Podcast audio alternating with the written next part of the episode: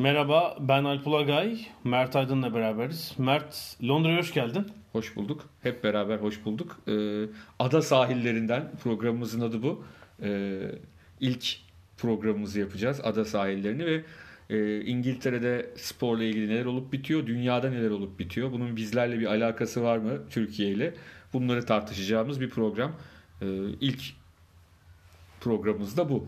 Öyle diyelim. Ee, Süper. Hemen girelim konuya. Girelim. Sen Premier Lig'le girelim. Bu hafta sonu, geçen hafta sonu daha doğrusu Arsenal Everton maçındaydın. Evet.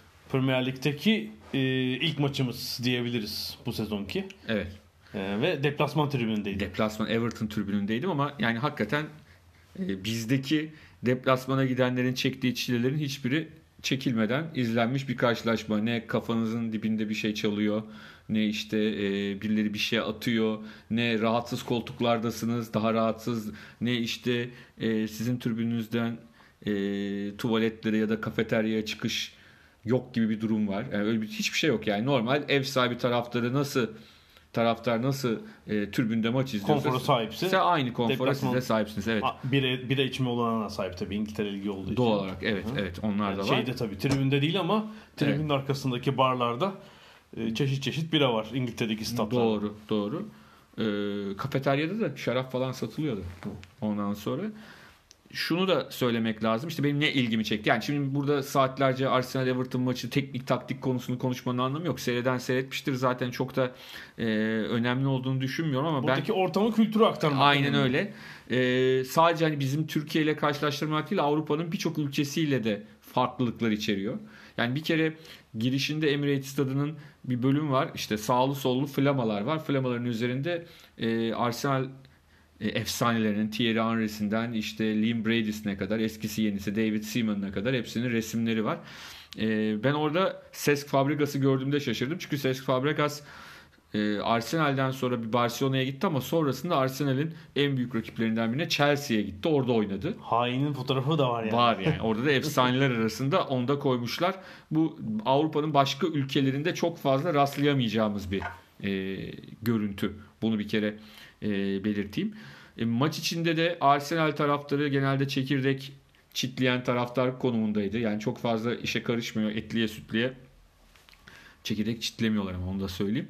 E, ne oluyor? İşte maç sırasında ancak işte gol attıklarında zaten maçın çoğunda Everton daha öndeydi. Daha iyi oynadı ama Arsenal'in golleri sırasında bir bağırma çağırma maç biterken oldu ama onun dışında genelde çok fazla da maçın içine etki eden bir seyirci grubu değil Arsenal seyirci grubu. Onu mutlaka söylemek ben gerekiyor. Ben de Emirates'ta 4 sezon önce yani 3,5 yıl kadar önce ve lig maçı izledim. Arsenal Fulham maçı gerçekten son derece 2-0'lık galibiyete rağmen son derece sessiz sakin bir seyirci vardı. O zaman da çok iyi hatırlıyorum.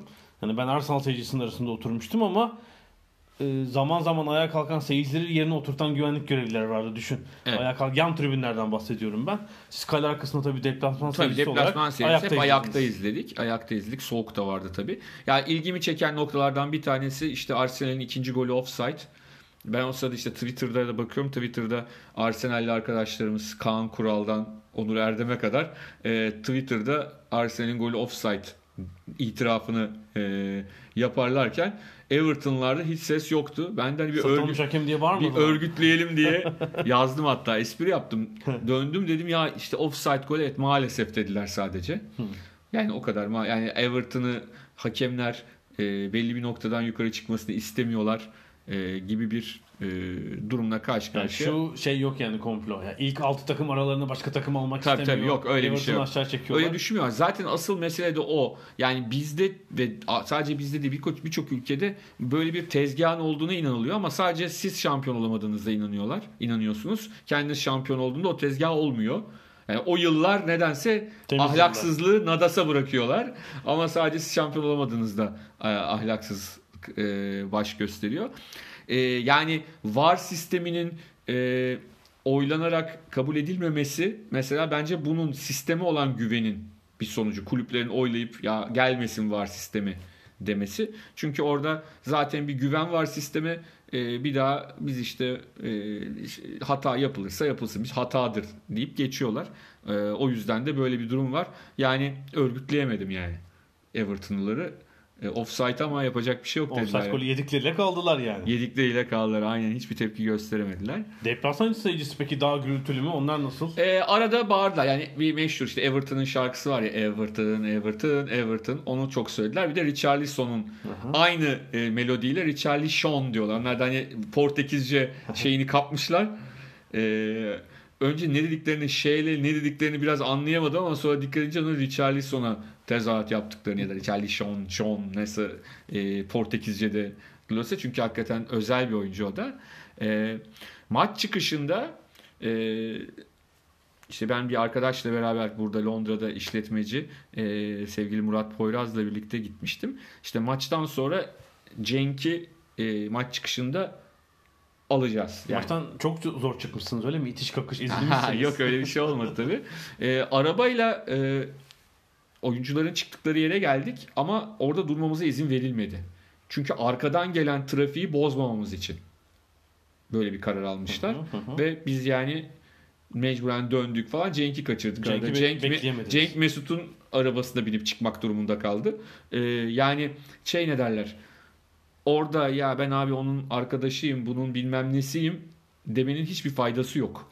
Onu, Evet, bu Hatta çok komik. e, özür dilerim. Maçtan sonra ben e, biz giderken bir yerde de ben indim. E, şeye gideceğim. Ne derler? E, metroya gideceğim. Bir baktım işte Mustafi'nin arabası yolda gidiyor.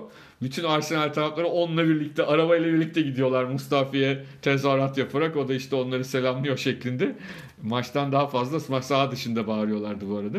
Ee, yani öyle hoşluklar da var işte arabalar zaten trafik olduğu için doğal olarak futbolcular da arabalarıyla çıkarken bizdeki gibi takım otobüsü değil de daha çok kendi arabalarıyla stat'tan çıkarlarken e, doğal olarak taraftarlar da oyunculara e, tezahüratlarını yapıyorlar. Yani orada tabii, farklı bir ortam. Emirates Stadı 2005'te açıldı.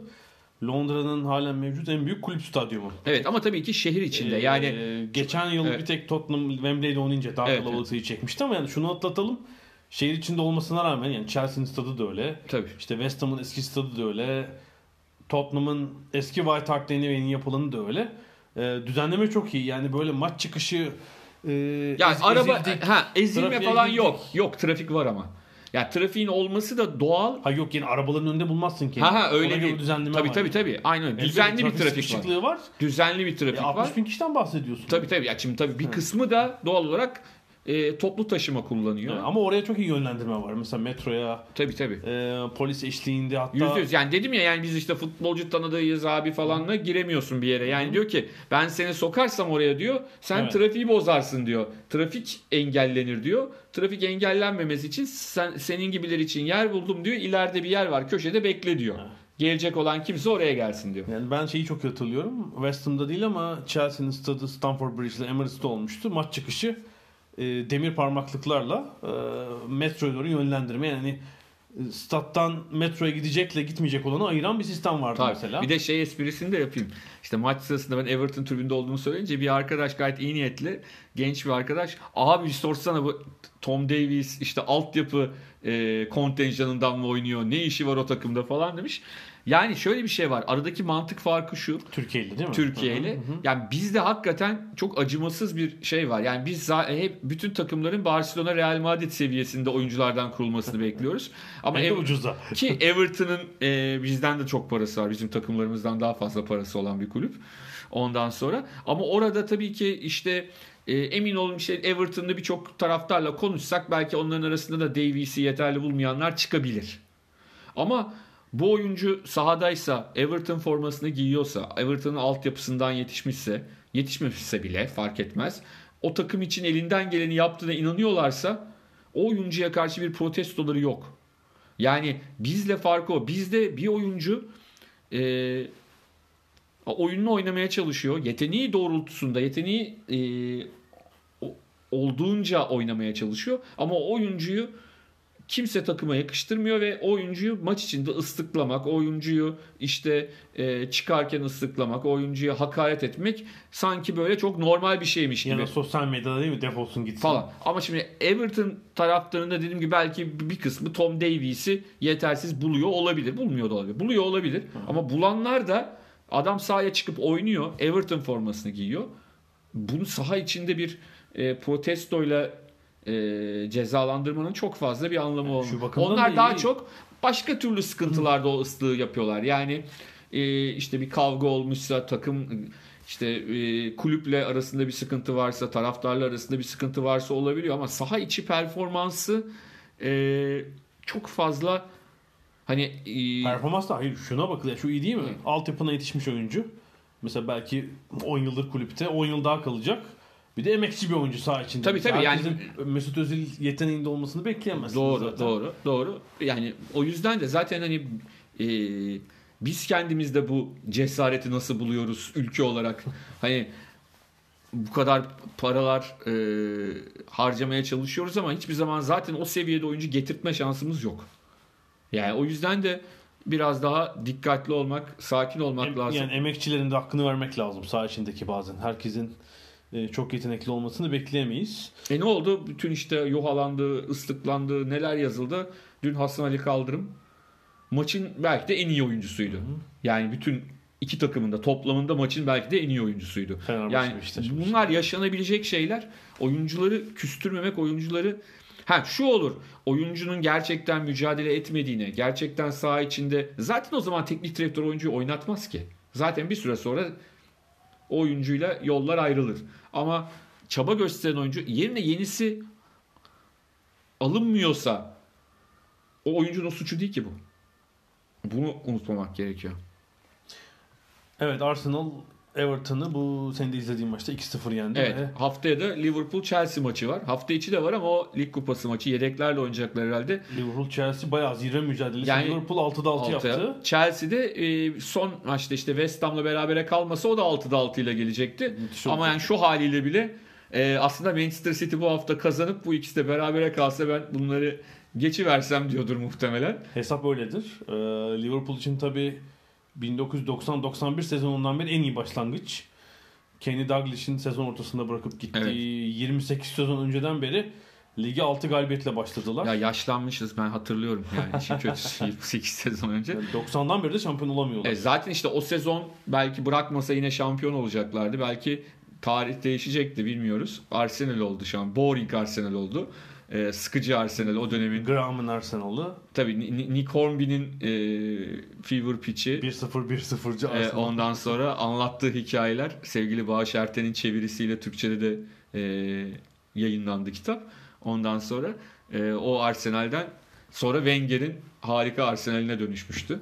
E, onu da hatırlatalım. O takım 91'de şampiyon olmuştu. Liverpool yani şampiyon olursa bu sezon 29 dolardan sonra şampiyon olmuş olacak. Premier Lig'de de ilk kez olacak. Evet. Bu daha da belki ilginç olan Yani onun- noktası. Onun, öncesindeki First Division adıyla en üst seviyede olmuştu. İnanılır gibi değil 29 yıl. Ee, buradan şey atlayalım. Ee, Londra'da FIFA'nın zirvesi vardı. Pazar pazartesi günleri. Pazar günü milli takım antrenörleri işte Didier Deschamps, Martinez onlar buluştular ve bir Dünya Kupası değerlendirmesi yaptılar. Pazartesi Nasıl günü- yaptılar çok merak ediyorum ya. Abi ne, ne yendik sizi ama kapışmışlar. Hep hakemle yendiniz diye. falan değil mi?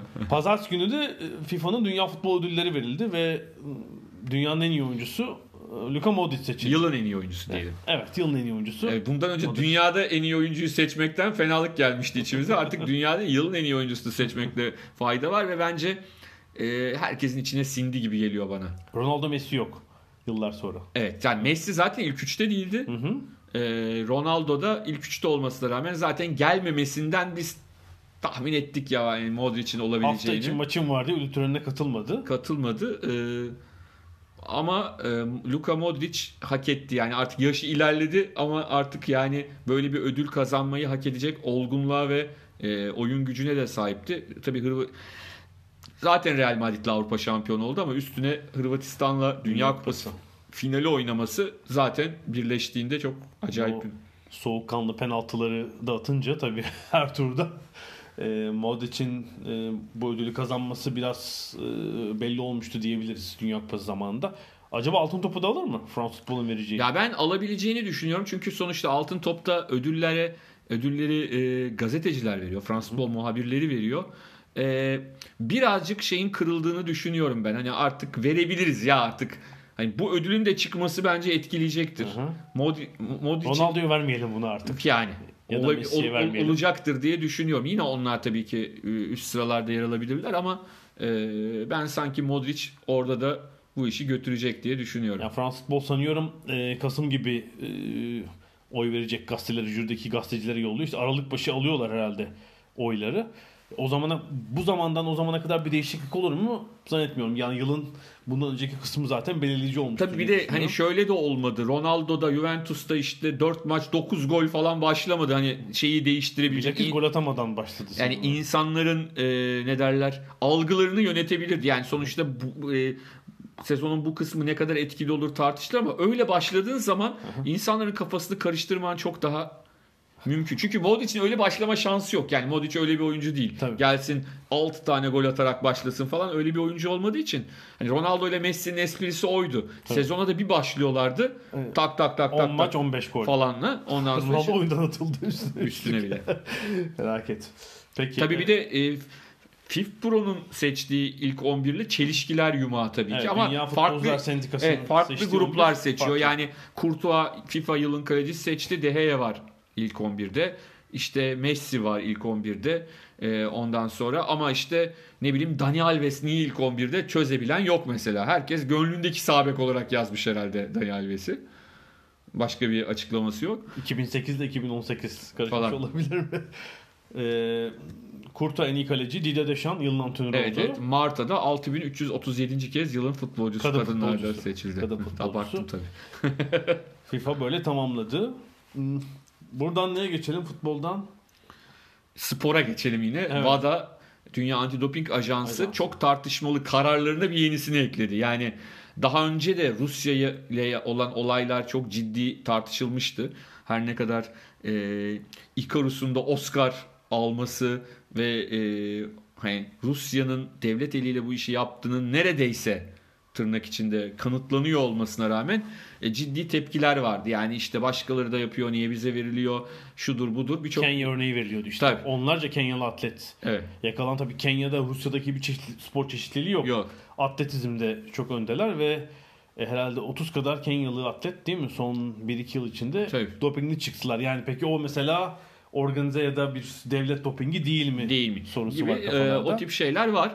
Ama bu karar yani WADA'nın Rusya Antidoping Ajansı'na e, yeniden ne diyeyim Kredibilitesini. vermesi e, çok tartışıldı. Zaten hani buna baştan karşı çıkan ülkeler red oylarıyla zaten bunu süslediler. Amerika ve bir büyük Britanya başta olmak üzere diyelim. Almanya'sı falan da var. Bayağı ciddi bir grup.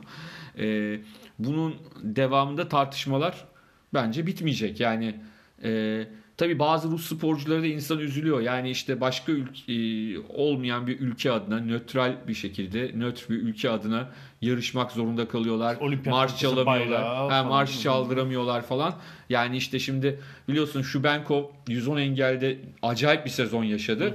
E, her seferinde e, her basın toplantısında bu duruma bir mesajla yanıt verdi. Mesaj şeye Şubenkov'un şeye çok kıl olduğunu biliyoruz. E, Twitter mesajlarından falan da Paula Radcliffe'e inanılmaz derecede e, onun aleyhine mesajlar. İşte Paula Radcliffe çünkü çok böyle e, ben şeye benzetiyorum e, Paula Radcliffe'i. E, Böyle çok sıkı bir antidopingçi. şey böyle hani böyle çok muhafazakar e, konusunda çok net, çok sert politikacılar vardır ya hani hangi sağcı da olsa solcu da olsa muhafazakar yani kendi e, doğrusunun sağına ya da soluna bir santim bir milimetre bile sapmadan ilerleyen birisi. Yani kariyeri de bitirmiş spor kariyerini. Evet, evet. Hani onun avantajı da var şu anda. Ondan yani. sonra gözler dönmüyor artık. o meşhur koşu stili e, unutulmaz. E, o tabii ki işin bayraktarlığını da yapıyor. E, tabii çok karışık. Yani e, işte doping serbest bırakılsın diyen var ki ben buna katılmıyorum. Ama dopingi acaba doping yani tıp adamı olmadan bunu söylüyorum. Onun için yanlış anlaşılmasın. Sadece bir fikir olarak söylüyorum. Onlar daha iyi bilirler neyin yasaklanıp neyin yasaklanmamasını. Acaba tabii ki ana ve e, çok zarar verici maddeleri bir yana koyuyorum. Onlar dışındaki bazı maddeleri e, çünkü biliyorsun bazen şöyle şeyler oluyor. Belli bir yıla kadar serbest bırakılanlar daha sonra e, doping sayılıyor. Öyle ya da tersi var mesela. Ter. Şarapova'nın olayındaki gibi değil mi? Yani o yüzden o yüzden hani onlarda mı acaba bir e, şey yapılsa, indirime gidilse. Ama orada da mesela indirime gittiğinde de yine sınırı aşan şey yapan olmayacak mı? Yine Falan. Olacak. yani. İşte sahtekarlık meselesi tabii. Ama, ama işte kimilerine göre kimileri diyor ki abi eğer e, uluslararası seviyede profesyonel spor yapıyorsan hangi dal olursa olsun yapmama ihtimalin yok diyenler de var. Yani şimdi bunu söyleyenler de var. Yakalanmama ihtimalin var değil mi? Öyle yapıyorsun evet, ama evet. Ya da yakalanıp e, ortaya çıkarılmama ihtimali var. Çok fazla örneği var. Yakalanıp ortaya çıkarılmayanlarda. Örtbas edilen. Örtbas edilen. Kimi örtbas edileni biz biliyoruz işte Lance Armstrong gibi. Ama kimini de hiçbir zaman haberimiz olmuyor. Belki de hiçbir zaman haberimiz olmayacak. O örtbas edilmelerden. Çünkü o spor dallarının da kendi ünlerini koruma gibi bir telaşları var. Yani sizin o seviyede bir sporcuyu dopingli çıkması durumunda sizin sporunuzun e, reklam kaynakları, sponsorları aynen hepsi öyle. birden şey, baş aşağı gidebilir. Yani şimdi şöyle bir şey var. Eğri oturup doğru konuşalım. Ee, yani nasıl ülkemizde futbol diğer sporların çok önünde ve genelde para orada döndüğü için sponsor işleri de orada daha fazla dönüyor. Dünyada da öyle. Yani işte Avrupa'da futbol e, ana pardon payda paydaş diyelim hı hı, şeyde hı. reklam gelirinde. Evet. İşte Amerika kıtasında beyzbolu, Amerikan futbolunu, basketbolu da ekle bu işin içine. Hı hı hı. E bunun dışındakiler ne kadar biz buradan onları ya bizim için Türkiye ile karşılaştığında fazla bile görünse o sponsorlar aslında çok fazla değil. Ya o yüzden de bu tip sporlardan kaçma tehlikeleri. Hele bisiklet gibi zaten takımların sponsor adıyla anıldığı sporlar var. Tabii. Yani orada iş daha da atletizmde büyük bir sıkıntı var mesela çok kan kaybeden bir spor. Tabii, tabii. Yani bireysel sporlarda tenis dışında mesela çok ciddi bir sıkıntı var. Teniste çok sponsor var. Ama atletizm mesela Usain Bolt'tan sonrası gerçekten sıkıntılı bir dönem. Evet bakalım için. neler yaşanacağını hep beraber göreceğiz. Ee, ilginçtir bu dünya e, doping kontrol ajansının Rusya'nın e, cezasını kaldırması e, Ben Johnson'ın dopingli çıkmasında 30. yılına denk. Doğru. Denk Dünyanın en, en, en kirli yarışı tarihin kitabı var yani aynı şekilde evet. yazılmış. İşte evet. 8 atletin 6'sının öncesinde sonrasında bir şekilde e, doping kontrolünde yakalandığını biliyoruz. 1988 Seul Olimpiyatlarının 100 metre finali. Ben Johnson 9.79'da. Sonra o 9.79 9.90'lara indirildi ya daha sonra yıllar geçti yeniden o hale gelmesi 10 için. 10 sene geçti üzerinden. Tabii, Ondan sonra. Fazla. Hatırlıyor musun? Türkiye tabii sadece sabaha tabii, tabii, tabii, tabii. Ben de işte için. lise sondaydım. Hafta sonuydu o yarışta. Hani sonra şeye gidiyorduk ıı, kursa.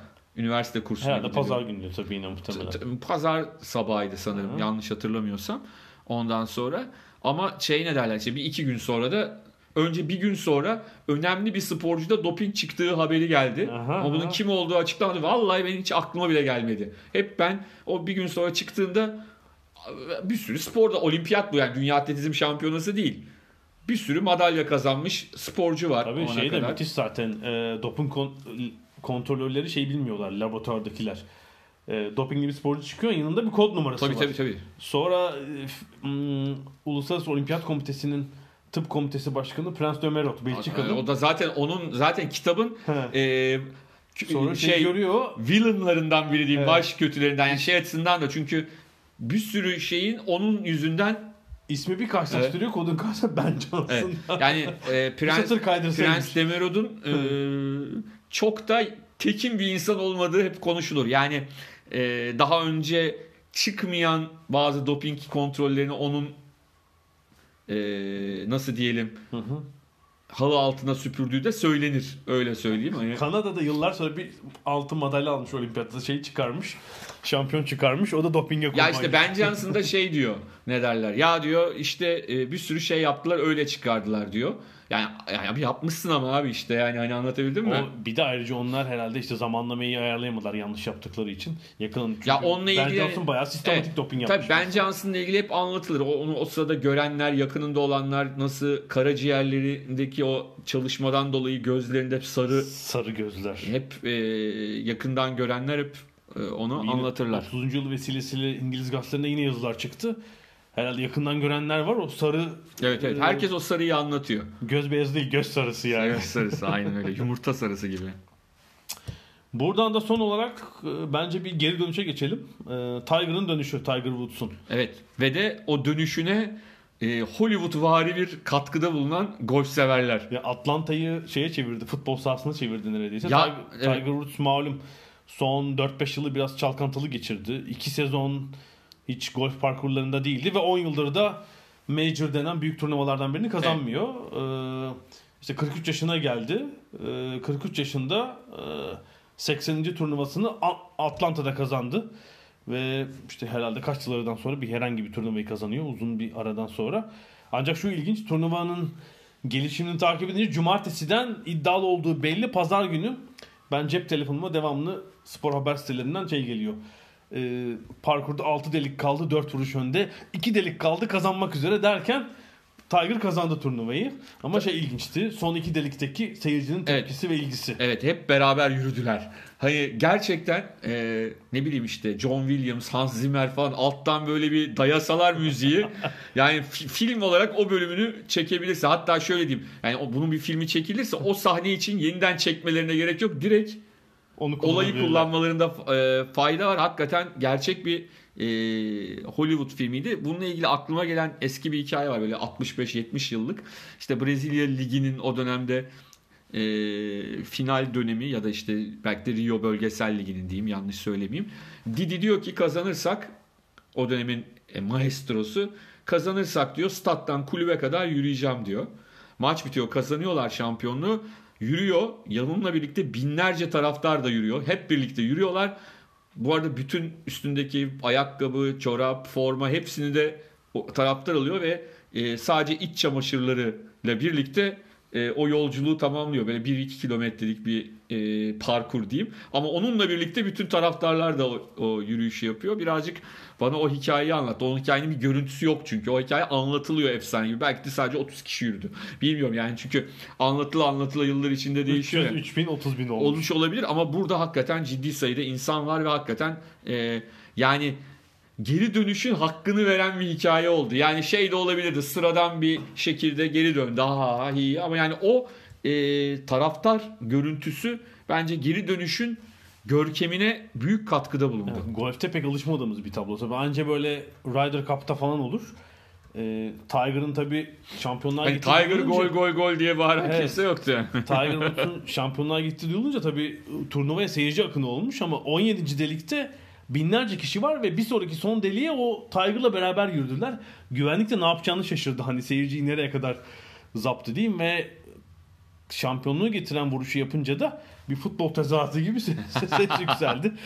Ee, gerçekten Tiger Woods'un hani golf sporu üzerindeki ticari ve sportif etkisi çok Tabii. çok ya inanılmaz. zaten özel bir adam yani daha hani küçük yaşlardan itibaren ortalığı duman etmeye başladı. Şey de etnik kökeni de çok karışık ya. Hani e, Kamboçyalıydı değil mi annesi? Tayland ya da E, Kamboçyalıydı. yanılmıyorsam işte Kablanesian diyordu kendine. Evet. İşte e, Babası- beyaz Asya ama Kızılderili İrlanda falan. falan. E, babası da siyahi Aha. ama onun da bir kökeninde Çinli, Kızıl- Çinler, Kızılderili, Kızılderili Çin, falan, Asya evet. bir şeyler var. Böyle, hakikaten böyle hani sanki Hibrit insan. Öyle bir, bir, bir, e, esrarengiz bir yanı da vardı. Onun dışında tabii özel hayatı, en son Lindsey Vonn'la olan ilişkisi falan filan, araba kullanırken ya şeyle yakalanması, ya e, alkol şudur budur derken bu e, hakikaten yine bir sinema filmi niteliğinde bir final oldu. Bu Tiger'ın dönüşü üzerine İngiliz gazeteleri de e, ünlü dönüşleri yapmışlar sporla sporda.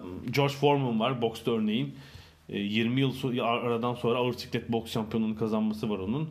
E, Niki Lauda'nın Formula 1'de e, neredeyse tamamen e, yanmaktan kurtulup tekrar Evet. dünya şampiyonu olması var. Onlar iyi örnekler. Ama Michael Jordan var galiba. Yani Michael Jordan'ınki çünkü şey açısından da yani e, şimdi bunları George Foreman'ın Niki Lauda'yı düşünüp bulabilirsin. Hı hı hı hı. Ama Michael Jordan hemen insanların birebir net bir şekilde anında aklına gelen örnek herhalde. Tam zirvedeyken bir buçuk yıl ara verip İşte o bir buçuk Dönüp- evet yani o bir buçuk yıla niye verdiği de çok tartışıldı ya Evet, yok işte evet. hep Chicago kazanıyor Ee, şeyler ne derler bahisçiler tehdit ettiler dedi sonra babası da e, haya- öldü. öldürülmüş olarak bulundu bir sürü e, şeyler yaşandığı için onunki de bayağı bir nasıl diyelim hareketliydi. Döndü sezon ortası döndü şampiyon olamadı ama sonraki sezonla itibaren 3 taneyle üst tane. üste.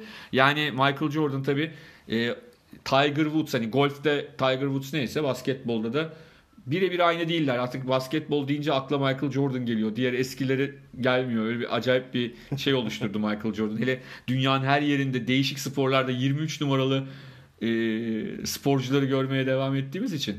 Çok ayrı bir etkisi var tabii Michael Jordan'ın. Bir de bisiklette Greg LeMond geliyor aklıma.